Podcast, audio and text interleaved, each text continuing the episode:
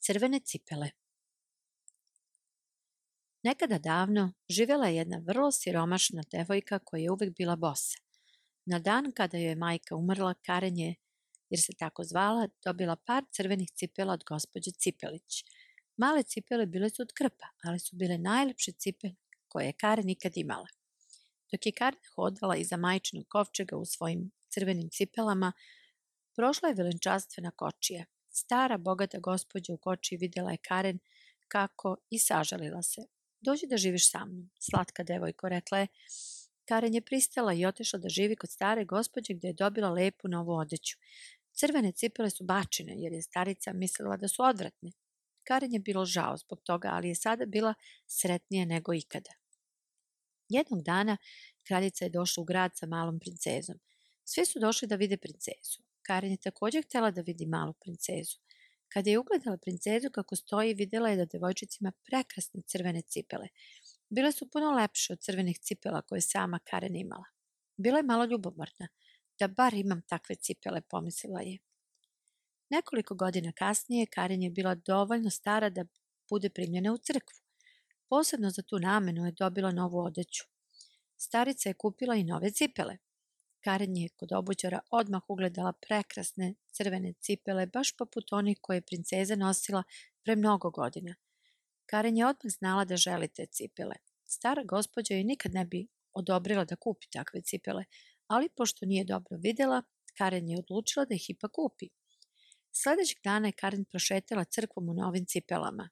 Niko nije mogao da skine pogled sa njenih lakiranih cipela. To sigurno nisu bile cipele koje se nose u crkvi. Karen nije mogla da misli ni na što drugo osim na svoje cipele.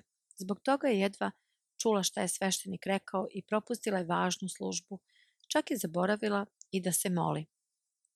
Kad je Karen izlazila iz crkve sa staricom nakon službe, na vratima je stajao stari vojnik. Vojnik je pogledao Karine cipele i rekao je To su cipele za ples, a ne za odlazak u crkvu. Kucnuo je Johnovima. Ostani čvrsto na zemlji dok plešeš. Karen je odmah dobila neodoljivu želju da pleše. Pažljivo je napravila jedan plesni korak i odjednom nije više mogla da prestane da pleše. Slučajni prolaznici su je ubacili u kočiju, a ni tamo nije prestajala. Čak je i udarala Saricu.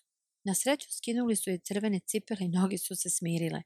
Kod kuće su cipele otišle pravo u ormar, ali Karen nije mogla da ih zaboravi. Nešto kasnije starica se jako razbolela. Karen se brinula o njoj najbolje što je mogla, sve dok jednog dana nije čula da će te večeri biti velika zabave. Karen je obukla svoje crvene cipele i ostavila staricu samu.